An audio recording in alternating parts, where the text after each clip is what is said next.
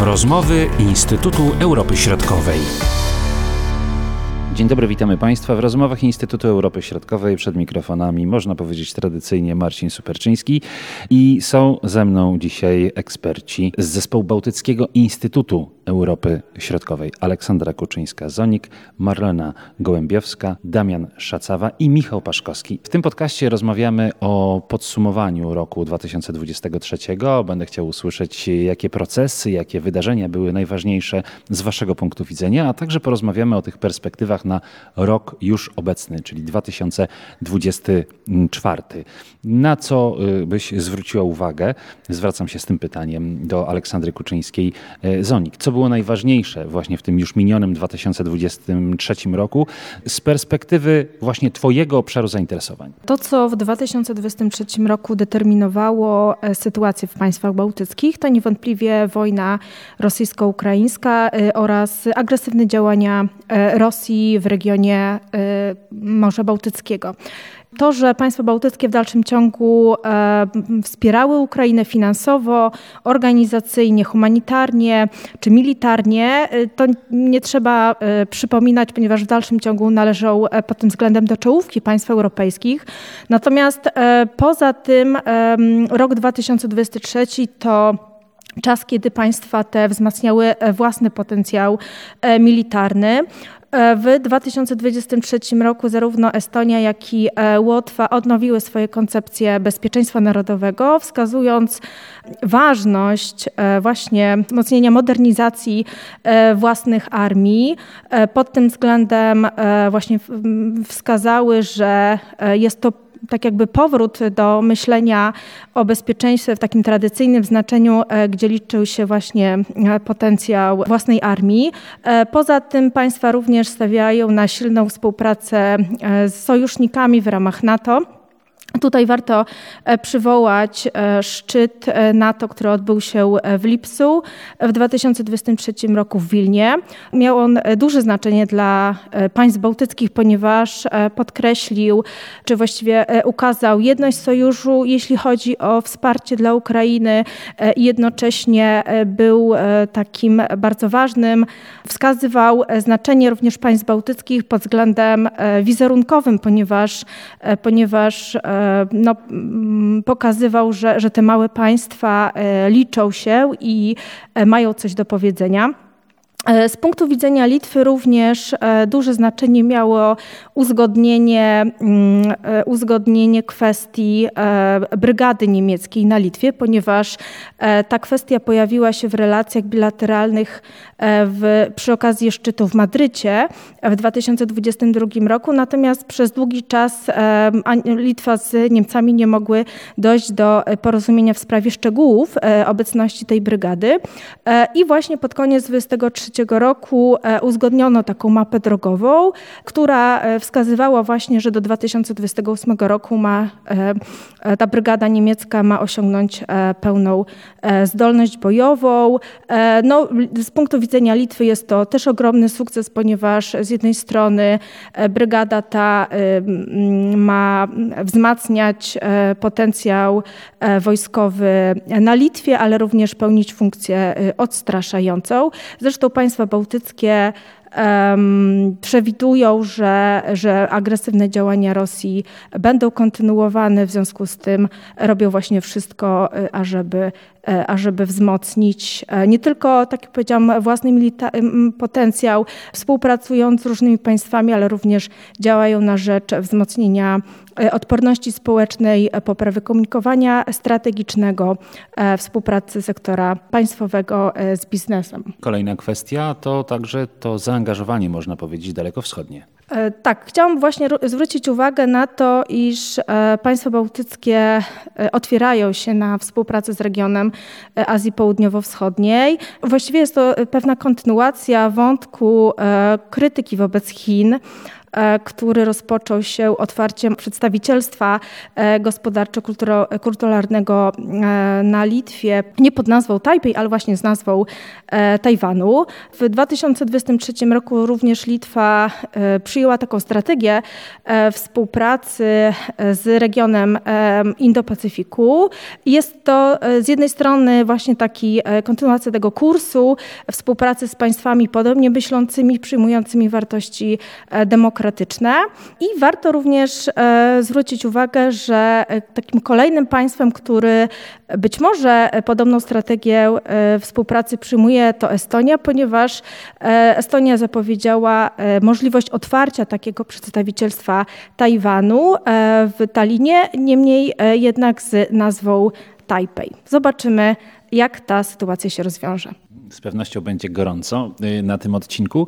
A y, jeśli chodzi o, y, no właśnie, pozostałe państwa basenu Morza Bałtyckiego. Niewątpliwie, tak mi się kojarzy przynajmniej, że Damian Szacawa powinien rozpocząć od Finlandii w NATO, ale może się mylę. Trudno, trudno ukryć, że to było w zasadzie najważniejsze wydarzenie, które definiowało to, co się stało w pierwszej połowie 2023 roku i, i miało konsekwencje w drugiej połowie. Natomiast tak patrząc e, troszkę bardziej generalnie na ten e, region nordycki, na północną część Morza Bałtyckiego, no to możemy powiedzieć oczywiście, że e, region podnosi się po pandemii COVID-19 i mieliśmy do czynienia z niepokojącymi danymi, jeśli chodzi o wzrost gospodarczy, o utrzymującą się wysoką inflację. To rzutowało dość mocno na sytuację wewnętrzną. Oczywiście e, kwestia bezpieczeństwa i kwestia zagrożeń ze strony Federacji Rosyjskiej, wojny na Ukrainie, czyli to, o czym mówiła e, Aleksandra Kuczyńska-Zonik, to jest e, niewątpliwie coś, co determinowało rozwój myślenia o bezpieczeństwie i dalsze reformowanie instytucji bezpieczeństwa w państwach nordyckich. E, wejście Finlandii do NATO e, to jest oczywiście pierwszy skuteczny krok do tego, żeby zabezpieczyć cały region. W dalszym ciągu w NATO nie jest Szwecja, ponieważ dwa państwa, Turcja i Węgry, nie wyraziły jeszcze E, ostatniego zdania, nie wyraziły jeszcze, nie powiedziały jeszcze tego sakramentalnego tak, można powiedzieć, e, dla, dla, dla Szwedów, aczkolwiek... E, aczkolwiek to na pewno nastąpi. To ty powiedziałeś. Natomiast aczkolwiek no, Turcy tutaj złożyli taką, taki prezent pod choinkę bożonarodzeniową, czyniąc kolejny e, kroczek naprzód, czyli tutaj Komisja Spraw Zagranicznych e, poparła ten wniosek. No, teraz czekamy w dalszym ciągu na decyzję parlamentu, finalnie na decyzję prezydenta Erdogana i wysłanie tych dokumentów do, e, do Waszyngtonu. Więc to jest, to jest ta pierwsza kwestia, szeroko rozumiane bezpieczeństwo zewnętrzne w połączeniu z sytuacją wewnętrzną, gdzie również mieliśmy do czynienia z kilkoma niepokojącymi wydarzeniami no, w postaci chociażby palenia Koranu w Szwecji, co poniekąd wiąże się z, e, z tą drogą Szwecji do, e, drogą Szwecji do NATO. E, jeśli jesteśmy przy Szwecji, no to bardzo ważnym elementem, który determinował politykę tego państwa w pierwszej połowie 2023 roku, no to było przewodnictwo w Radzie Unii Europejskiej. Część e, analityków mogłaby wiązać chociażby opór Węgier wobec ratyfikacji z postawą Szwedów e, w kwestiach takich jak praworządność chociażby i przeznaczenie, e, przeznaczenie środków. Jeśli sobie popatrzymy na współpracę regionalną, no to mieliśmy do czynienia z bardzo dużym przełomem, z czymś, co ja określam mianem zwrotu takiego krytycznego, czyli czymś, co będzie rzutowało na na to, jaką e, politykę te struktury regionalne, jaką państwa będą prowadziły politykę regionalną w kolejnych, kolejnych latach. Więc to jest e, być może pewien prognostyk na przyszłość. A jeśli y, chodzi o, jak rozumiem, działania czy też zagadnienia e, gospodarczo-ekonomiczne Marlena Gołębiowska. Rzeczywiście najpierw tak wąsko spoglądając tylko na trzy państwa, o których dzisiaj rozmawiamy, Litwa, Łotwa i Estonia, to nie był dla nich dobry rok. 2000 2023 we wszystkich tych państwach kończy się recesją. W największym stopniu dotyczy to Estonii. Te dane cały czas spływają z 2023 roku i nie mamy jeszcze ich pełnych, więc ciężko mówić o takich e, stuprocentowych danych. Natomiast być może nawet powyżej 3% ta recesja w Estonii nastąpi. Troszeczkę lepsza sytuacja jest, jeśli chodzi o Litwę i Łotwę, natomiast też jest, są to wyniki na minusie, więc nie jest to najlepszy rok dla tych gospodarek. Co więcej, no, wszystkie te państwa walczyły z bardzo wysoką inflacją przez cały ten rok. Tutaj w Instytucie wielokrotnie podejmowaliśmy ten temat, przyglądaliśmy się temu, jakie działania są podejmowane i jak, ten, jak to zjawisko jest wychowywane, całe szczęście, bo kończymy ten rok w, z znacznie niższą inflacją niż go zaczynaliśmy. Ale żeby nie było też tak tylko pesymistycznie, patrząc na cały region Europy Środkowej, e, a nawet może trochę szerzej, bo rozmawiamy w tygodniu, kiedy e, Światowe Forum Ekonomiczne się odbywa e, i tak przyglądałam się, jakie cele, jakie, jakie wnioski wyciąga, jak, o jakich tematach się tam rozmawia i są tam właśnie cztery tematy. Jednym jest ten, który poruszyła Ola, czyli bezpieczeństwo. Drugim tematem jest ten, który ja poruszałam, czyli ten niski wzrost gospodarczy, który, z którym mamy do czynienia i prawdopodobnie, o czym za chwilę będziemy będziemy pewnie rozmawiać e, dalej o tych prognozach. E, być może on z nami zostanie na dłużej. E, ale jest też jeden kierunek taki mm, dość interesujący, który zostanie zapamiętany w 2023 roku, czyli sztuczna inteligencja. Chociaż co prawda ChatGPT został wypuszczony jeszcze w 2022, no to rok 2023 jest tym rokiem, w którym mamy boom na, na tego typu właśnie aplikacje aplikacje, strony, programy wykorzystujące sztuczną inteligencję. E, już dzisiaj pojawiają się informacje, że e, tak naprawdę coraz większa liczba firm zaczyna korzystać e, ze sztucznej inteligencji i będzie to na pewno ten rok zapamiętany jako ten wybuch sztucznej inteligencji. Podam jeszcze, ponieważ te cele na tym w Davos są cztery. Czwartym jest, są działania na rzecz transformacji, zielonej transformacji i są to tematy, które i były z nami przez cały 2023, ale z pewnością jeszcze będą także e, w tym roku. No i Michał Paszkowski o nośnikach energii. Jeżeli chodzi o region Europy Środkowej, to niewątpliwie można powiedzieć w miarę stabilna sytuacja, jeżeli chodzi o dostawy gazu ziemnego do, do, do wszystkich państw. E, kontynuowany proces dywersyfikacji e, dostaw źródeł i kierunków. No wiadomo, że w dalszym ciągu oczywiście część państw, tutaj jak Słowacja czy, czy, czy Austria, Macedonia, Serbia, Węgry importują gaz ziemny z Federacji Rosyjskiej, ale e, no tutaj większość państw z Europy tej powiedzmy środkowej zdecydowała się podjąć kroki, żeby, żeby zdywersyfikować swoje, mm, swoje tutaj e, dostawy.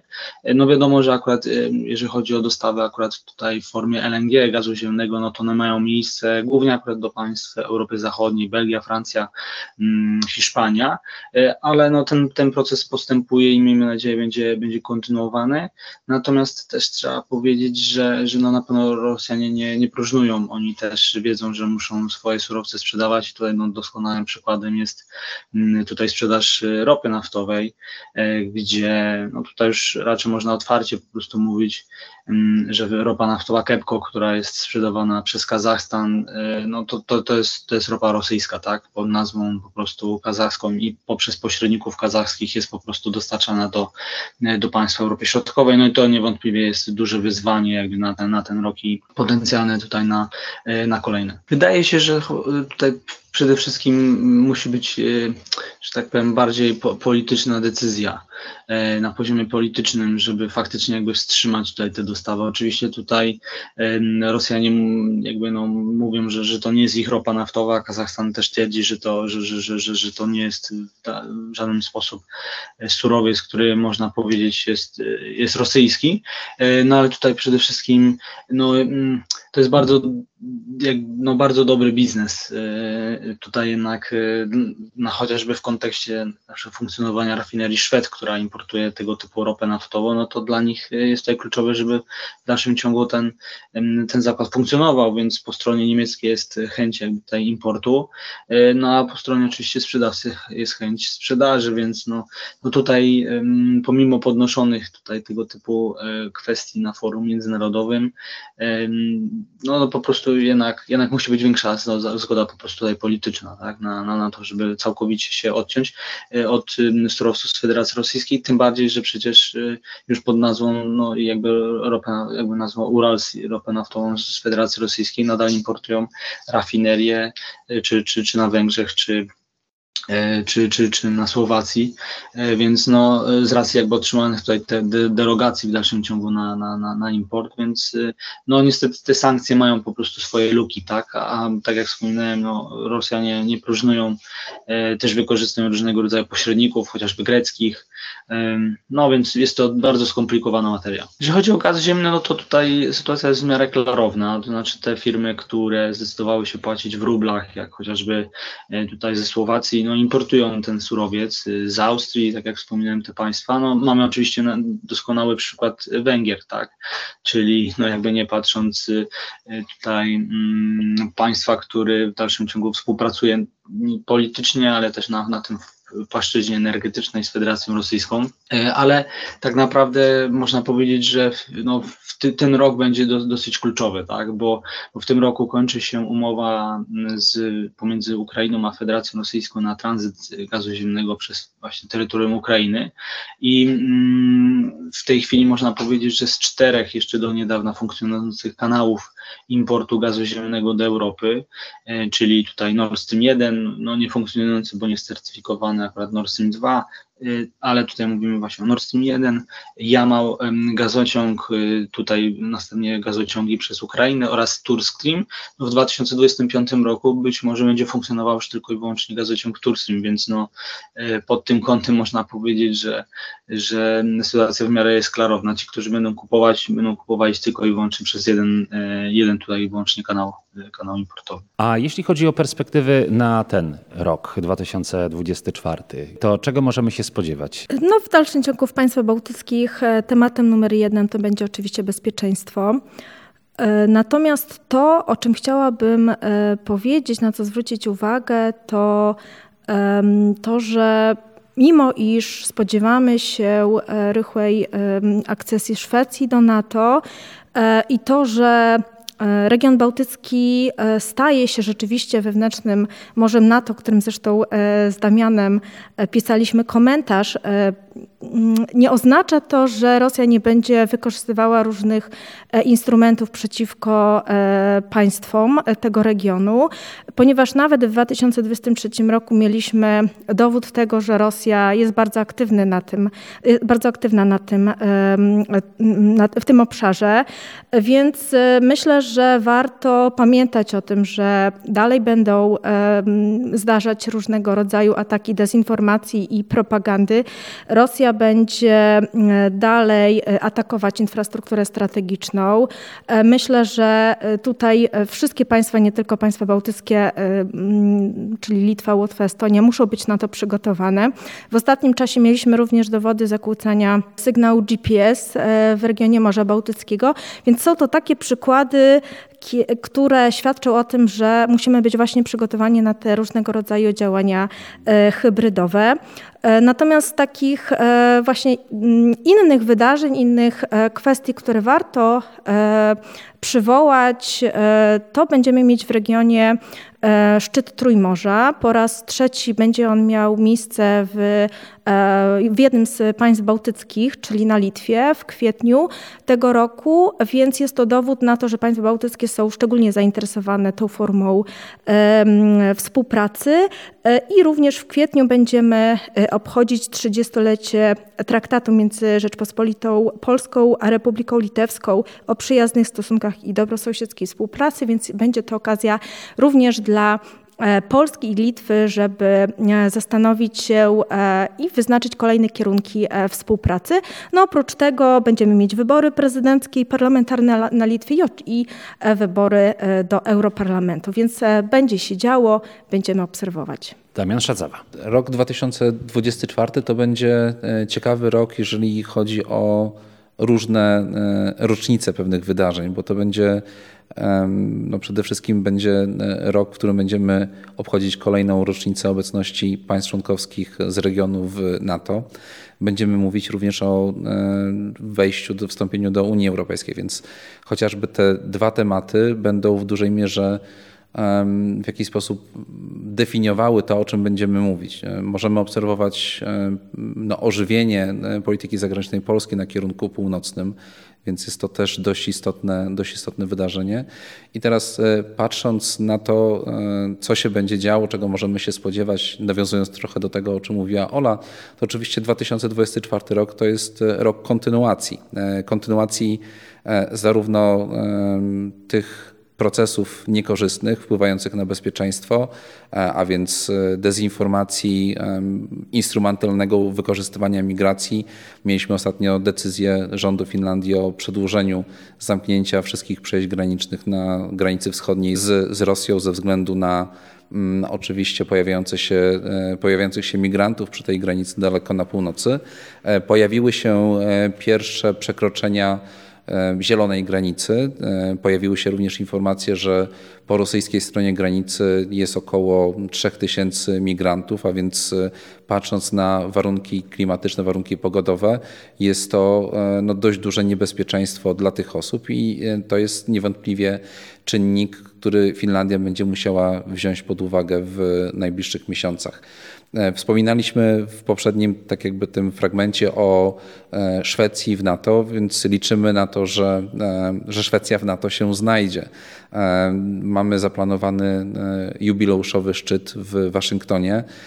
Mamy intensyfikację również wysiłków, działań dyplomatycznych, rozmów na linii chociażby Stany Zjednoczone, Turcja, więc w tle pojawiają się różnego rodzaju przetargi zgodnie z tą regułą tureckiego bazaru.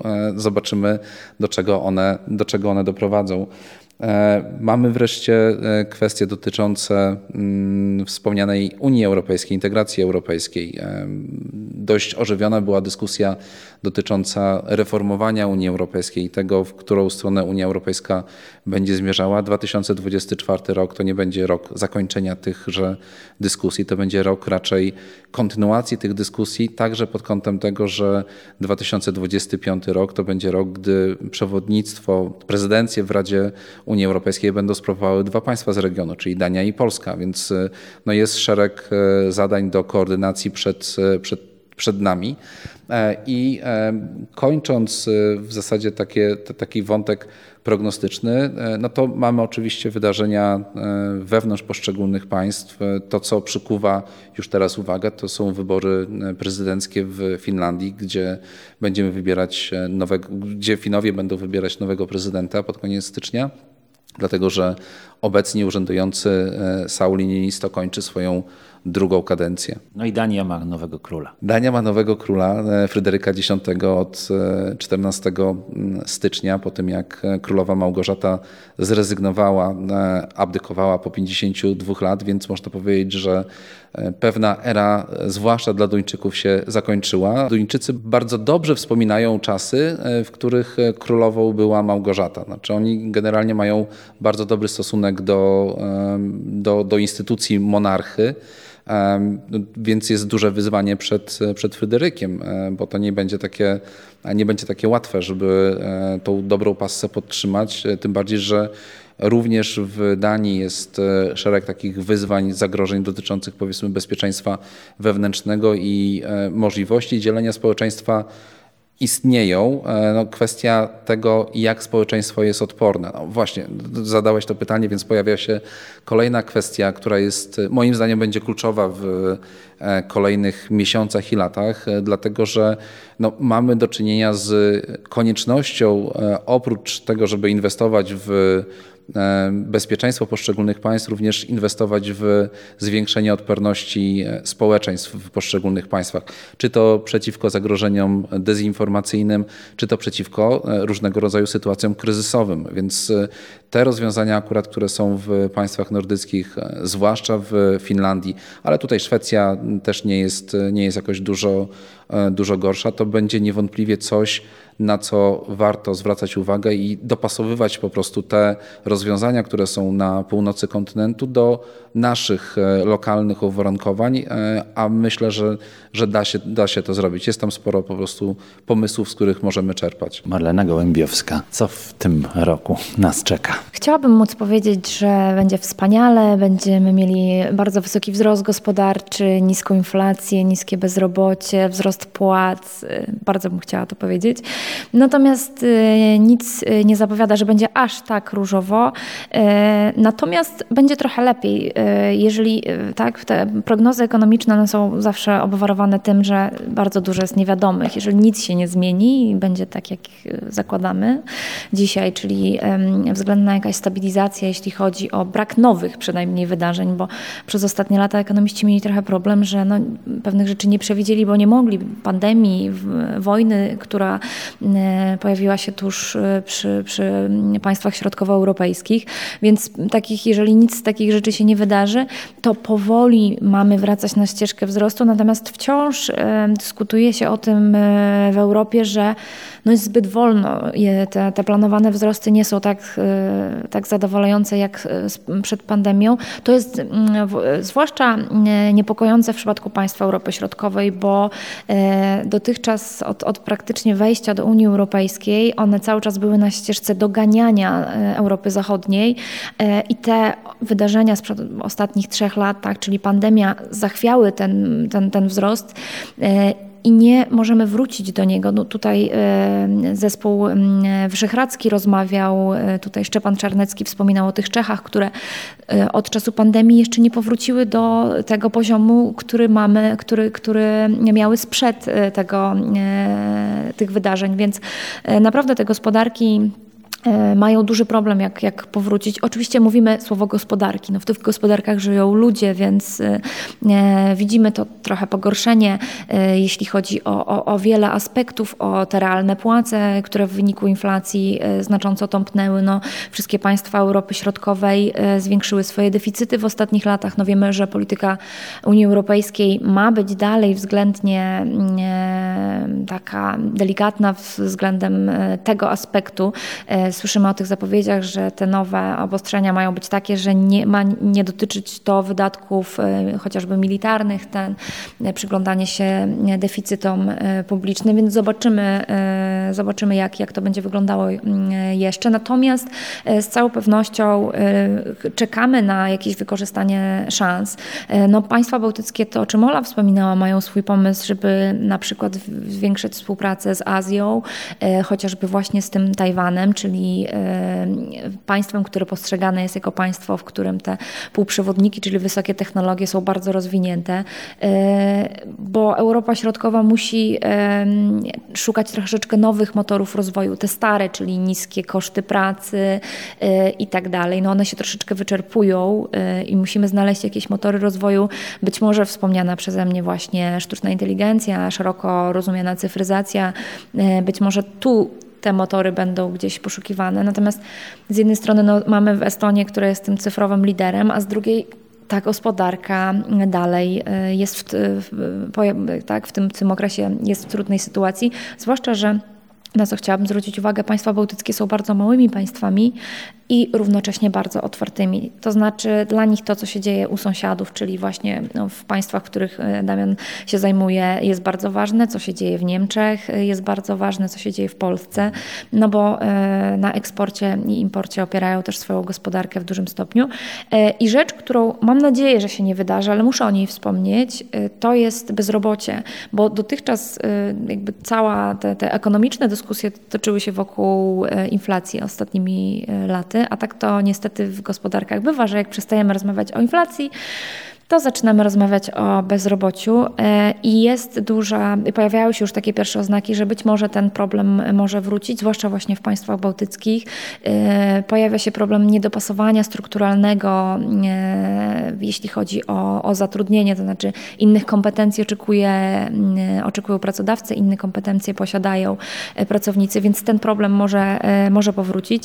Będziemy się z całą pewnością w Instytucie przyglądać tym wszystkim zjawiskom, szczegółowo opisywać, i, i miejmy nadzieję, że pod koniec roku ta, ta moja pierwsza zapowiedź o tym, że będzie tak dobrze, to ja wtedy jakby wrócimy do niej i powiem, że jednak się okazało, że, że jest lepiej niż, niż mogło być. Natomiast no, mnóstwo, e, mnóstwo e, rzeczy się, się, się dzieje. No to chińskie przekleństwo, byśmy żyli w ciekawych czasach, e, trochę się realizuje w naszym regionie od jakiegoś czasu, mam wrażenie. Miejmy nadzieję, że powoli nam e, będzie się wszystko stabilizować i w kwestiach gospodarczych również. I na zakończenie Michał Paszkowski. Na pewno będą kontynuowane dostawy gazu ziemnego w formie LNG ze Stanów Zjednoczonych. Jest to obecnie największy dostawca te, te, tego surowca w takiej formie. Również no, on odgrywa kluczową rolę, jeżeli chodzi o dostawy do, y, na Litwę, do terminalów, powiedzieć, do Polski, czy, czy, czy też do terminalów Kirk. Y, no też będą, będzie oddany już w Grecji akurat terminal y, Aleksandropolis, więc on też będzie miał istotny wpływ na te dostawy na południe Europy, również też z, właśnie ze Stanów Zjednoczonych. Na pewno można oczekiwać kontynuacji kontynuowania dostaw gazu ziemnego z Azerbejdżanu. To, to, to, tutaj jest to kluczowy też dostawca surowca na, na południe Europy, a więc do państw, które no, mocno były uzależnione od, od, od tego surowca z Federacji Rosyjskiej.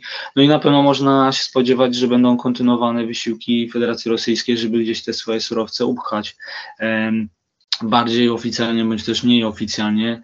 Mm, wydaje się, że, że no, będzie to naprawdę bardzo kluczowy okres, tak, biorąc pod uwagę też sytuację polityczną, militarną na Ukrainie, tak, no jakby nie patrząc, Federacja Rosyjska z, surowców energetycznych jednak budżetuje sobie funkcjonowanie państwa oraz rozwój tej, tej całej machiny też wojennej. No i też trzeba pamiętać, na pewno będą kontynuowane wysiłki Komisji Europejskiej i też chociażby program Euro, Power, tak, którego jakby celem jest tutaj e, zmniejszenie w ogóle zależności od dostaw surowców energetycznych, nie tylko i wyłącznie z Federacji Rosyjskiej, więc jakby tutaj te wspieranie e, budowy elektrowni jądrowych, czy też większe jeszcze wsparcie dla, dla e, odnawialnych źródeł energii, no ale też mamy wybory tak, do, do Parlamentu Europejskiego, więc tak naprawdę no tutaj co będzie robić nowa Komisja Europejska, no tutaj będzie na pewno kształtować właśnie jakby te, te dalsze jakby działania też na polu tym energetycznym. I to już wszystko, jeśli chodzi o plany na rok 2024. Dziękuję Wam za rozmowę. Do usłyszenia, do zobaczenia.